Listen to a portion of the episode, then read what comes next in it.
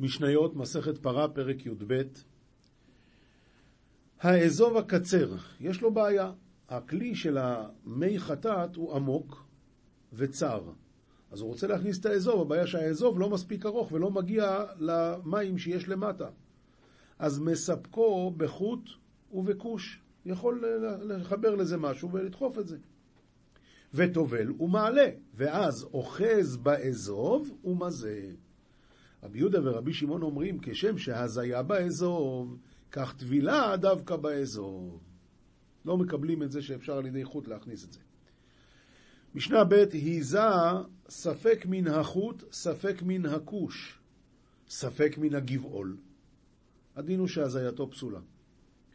היזה על שני כלים, ספק על שניהם היזה, ספק מחברו מיצה עליו.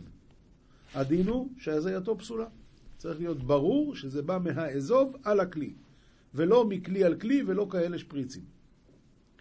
מחט שהיא נתונה על החרס והיזה עליה.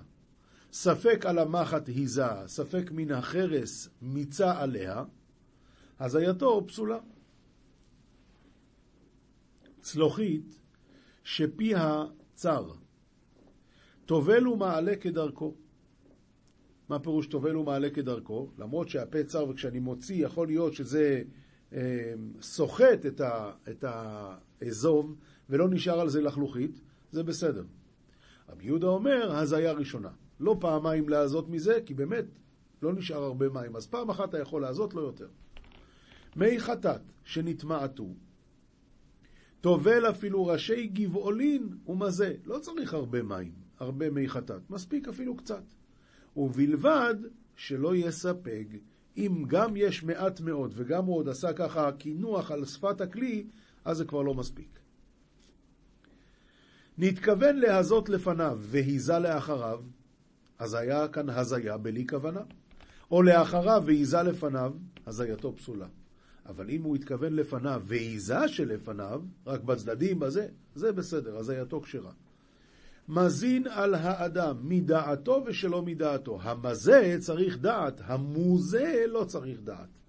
מזין על האדם ועל הכלים ואפילו הן מאה. כלומר, שפריץ ארוך זה גם כן בסדר. משנה ג' נתכוון להזות על דבר שהוא מקבל טומאה, והיזה על דבר שאינו מקבל טומאה. אז uh, כוונתו כשהוא עשה את הטבילה של, של האזוב בכלי, מה הייתה כוונתו? לדבר שמקבל טומאה, זאת אומרת בסדר. אז אם, למרות שהוא היזה כרגע על דבר שלא מקבל טומאה, אם נשאר לו מספיק מים באזוב, אם יש באזוב, לא ישנה, אתה לא צריך לטבול עוד פעם, בסדר. אבל אם הוא התכוון לעזות על דבר שאינו מקבל טומאה, והיזה על דבר שמקבל טומאה, אם יש באזוב, אפילו אם יש באזוב, ישנה לטבול שוב. למה? כי כשטבל בהתחלה הוא טבל בשביל דבר שלא מקבל טומאה, אז זה לא נקרא טבילה. אם הוא התכוון לעזות על האדם והיזה על הבהמה, אם יש באזוב, לא ישנה. ואם על הבהמה והיזה על האדם, אם יש באזוב, ישנה. שוב, אותו הרעיון כמו מקודם, אפילו אם יש באזוב, ישנה. המים המנטפים, הדין הוא שכשירים. כשהוא הוציא, היה הרבה מים וזה נטף על הרצפה. אם הוא יכול לטבול בזה, כן. המים המנטפים כשרים, לפיכך הם מטמאים לשם מי חטאת. לפיכך הם מטמאים, אומר הרב, לפי שלא נעשית מצוותן, שהרי הטבילה הראשונה פסולה איתה. והרי אלו הטפות כשאר מי חטאת הכשרים שהן מטמאים. המזה מחלון של רבים. יש מקום, למשל בירושלים כנראה לפני הרגל, היה מקום שפשוט שם עוברים ומזים עליך אוטומטי. אז היה חלון שרבים עוברים שם, והוא מזה מהחלון הזה. המזה מחלון של רבים ונכנס למקדש. ועכשיו אותו מוזה נכנס למקדש, ונמצאו המים פסולים, התברר שכל מי שעבר שם לא, לא, זה לא תפס. פטור, היו הרי נכנס טמא למקדש, זה אוינס. פטור. מה הדין אבל אם היזו עליו מחלון של יחיד ונכנס למקדש ונמצאו המים פסולים, אז הדין הוא שחייב. מה ההבדל? ההבדל הוא שאם זה של רבים, אז זה כמו ספק טומאה ברשות הרבים, שהדין הוא שספקו טהור. הוא לא היה צריך לחשוב, אז זה ספקו טהור. אבל אם זה חלון של יוחיד, אז הדין הוא שזה כמו ספק טומאה ברשות היחיד, שהדין הוא שספקו טמא. אבל כהן גדול, בין מחלון של יחיד, בין מחלון של רבים, הדין הוא שפטור, שאין כהן גדול חייב על ביאת המקדש. למה? כי כתוב בתורה, ונכרתה הנפש ההיא מתוך הקהל. מי שחטאו שווה לקהל, דהיינו ליחידים, פרט לכהן גדול שאין חטאו שווה ליחידים. מחליקים היו לפני חלון של רבים ודורסים ולא נמנעים, מפני שאמרו מי חטאת שעשו מצוותן אינן מטמאים. כאן לומדים דין מעניין. הרי מי חטאת מטמאים, אבל רק לפני המצווה. אם כבר היזו, אז אחרי שהיזו נפל, מה... נפל ממני על הרצפה, זה כבר לא מטמא. איפה שהיה חלון של רבים, היו, היו מזים כל כך הרבה מי חטוס, שנהיה שם שלוליות. זה לא מטמא, זה בסדר. כל מה שמי חטאת מטמאים זה רק לפני.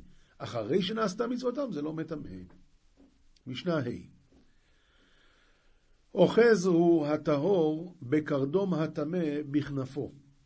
יש לו קרדום טמא, יש לו גרזן טמא, אז הוא לוקח את זה בכנף בגדו ומחזיק את זה ככה ומזים עליו. אף על פי שיש עליו כדי הזיה, טהור. אף על פי שנשאר על הקרדום כדי הזיה, זה טהור. למה? כי שוב, זה מים שכבר נעשתה מצוותם. כמה יהיה במים ויהיה בהם כדי הזיה? התשובה היא כדי שידביל ראשי גבעולין ויזה. זה נקרא שיש בהם כדי הזיה. רבי יהודה אומר, רואים אותם כאילו הן על אזוב של נחושת. אז רבי יהודה בא להקל. הרי האזוב הוא, הוא בולע. מה היה אם זה היה אזוב של נחושת? היה לי עוד מספיק מים, גם אם זה היה פחות. אז אם ככה, כאילו שזה אזוב של נחושת. משנה ו' המזה באזוב טמא, אז אם יש בו כביצה באזוב הזה, יש כביצה, המים פסולים והזייתו פסולה. אבל אם אין בו כביצה, המים כשירים, אבל הזייתו פסולה בכל מקרה. למה? כי האזוב טמא, אז זה בכל מקרה פוסל. הוא מטמא את חברו וחברו את חברו אפילו אין מאה, אומר הרב, כולם טמאים לחטאת, דאין מונים ראשון ושני בחטאת, אלא כולן הן תחילה. ממילא, זה לא יורד, הטומאה לא יורדת מראשון לשני, משני לשלישי. לא, זה כולם ראשון, ולכן כולם טמאים. משנה ז', הטהור לחטאת, שנטמאו ידיו, הטהור לחטאת, שנטמאו ידיו, הדין הוא שנטמא גופו, הוא מטמא את חברו וחברו את חברו, אפילו אין מאה. שוב, זה החומרה של מי חטאת. לגין של חטאת שנטמאו אחר, אחוריו. זה כלי מתכת. לגין של חטאת שנטמאו אחוריו, הדין הוא שנטמא גם תוכו, כי זה כלי מתכת, זה לא כלי חרס. הוא מטמא את חברו וחברו את חברו, אפילו אין מאה. גם זה קשור בעצם למשנה הקודמת. עכשיו, דין חדש. וחו... הזוג והענבל. אני בא עכשיו להזות על פעמון.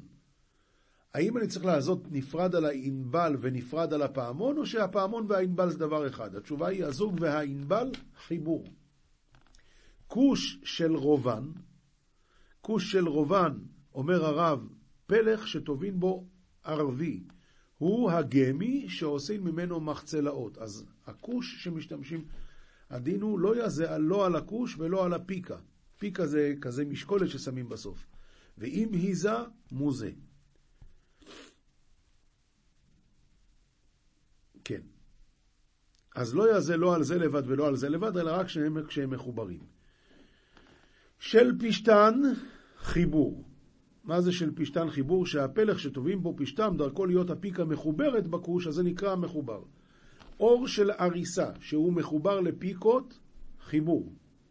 המלבן, המלבן, הרב אומר, זה כמין קערות של עץ חקוקות, שמכניסים בו קרעי המיטה שלא ירקבו מלחלוכית הארץ, ודומה לו בפרק המוכר את הבית בבבא בסרה, מלבנות של קרעי המיטה. אז מה הדין? אז המלבן אינו חיבור לא לטומאה ולא לטהרה, כלומר הוא לא מחובר למיטה. כל ידות הכלים הקדוחות נקרא חיבור. רבי יוחנן בן אורי אומר אף החרוקות. קדוחות זה כמו הכת של הסכין, וחרוקות זה כגון בית יד של רומח. משנה ט' הסלים שבקנטל והמיטה של תרבל וקרן של כליבה וקרניים של יוצאי דרכים, קרנין, ושלשלת המפתחות ושלל הכובסים והבגד שהוא תפור בכלאיים, כל הדברים האלה זה חיבור לטומאה ואינו חיבור להזיה. משנה י' כיסוי מיחם שהוא מחובר לשלשלת.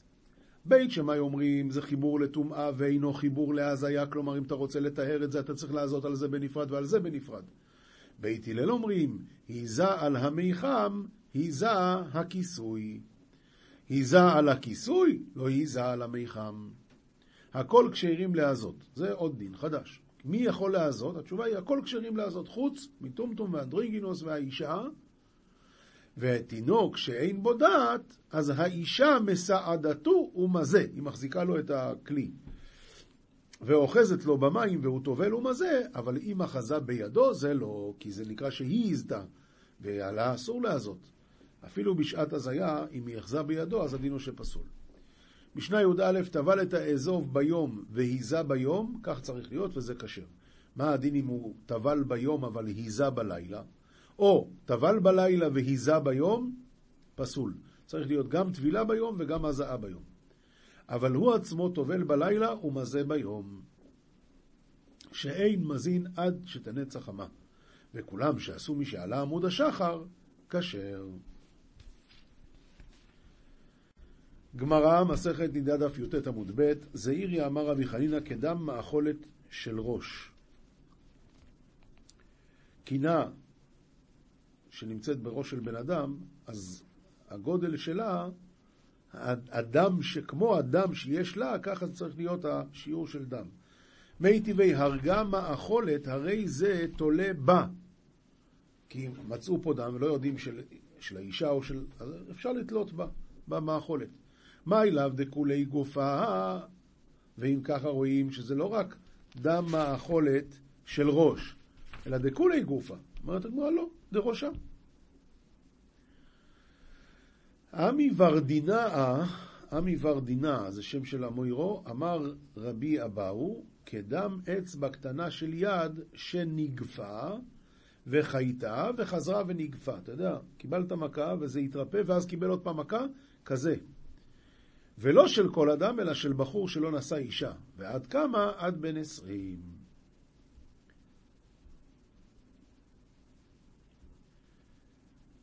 למה קראו לו עמי ורדינה? רש"י אומר, נאה כוורד. אומרת הגמרא, מי טבעי תולה בבנה ובבעלה. אישה שמוצאת דם יכולה לתלות, אם זה רק כתם, אז היא יכולה לתלות בבנה, בבעלה. בשלמה בבנה משכחת לה שאמרת לנו שזה דם שהוא לא נשוי וזה, אבל בעלה, איך היא משכחת לה? הרי אמרת רק בתנאי שהוא לא נשוי.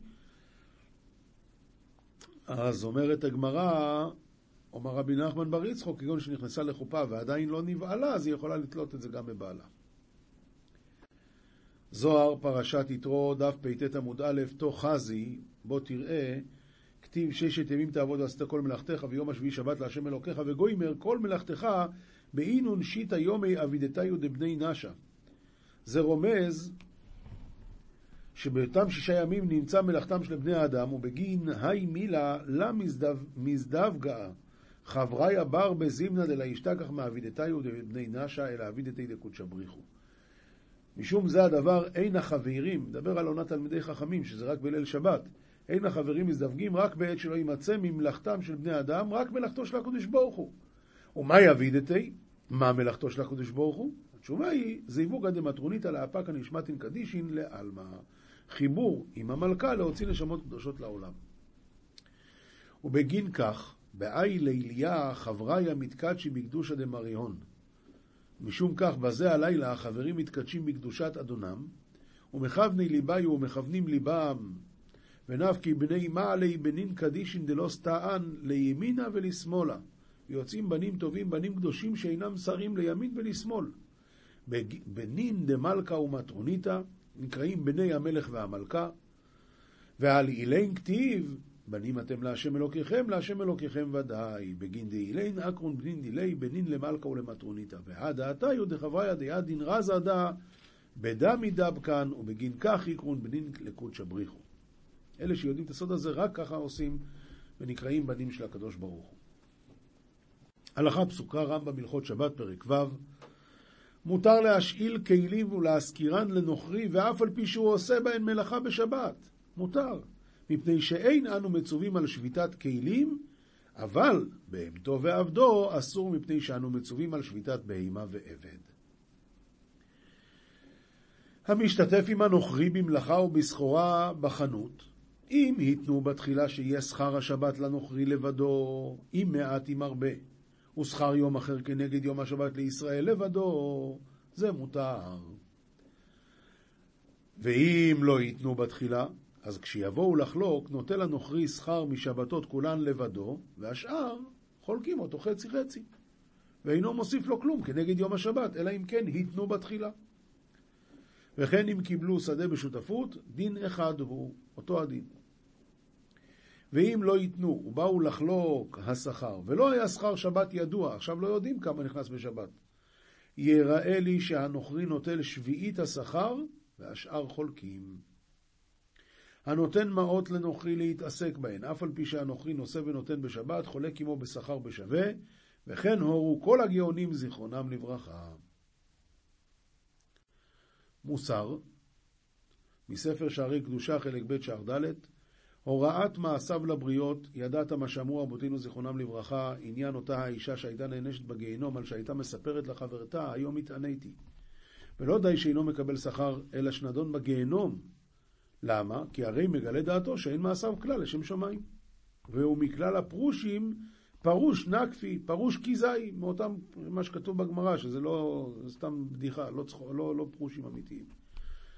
ואמרו אבותינו זיכרונם לברכה לעולם יהיה אדם ירא שמיים בסתר ויהיו כל דרכיו לשמיים. ואם יכול אדם שיעשה כל דרכיו לשמיים ולא יפרש לבריות אפילו אחד מהן שכרו כפול ומכופל מפני שכבוד אלוקים מסתר דבר עד כאן לשונם. אז למדנו מפה לא לספר זה דבר מאוד חשוב.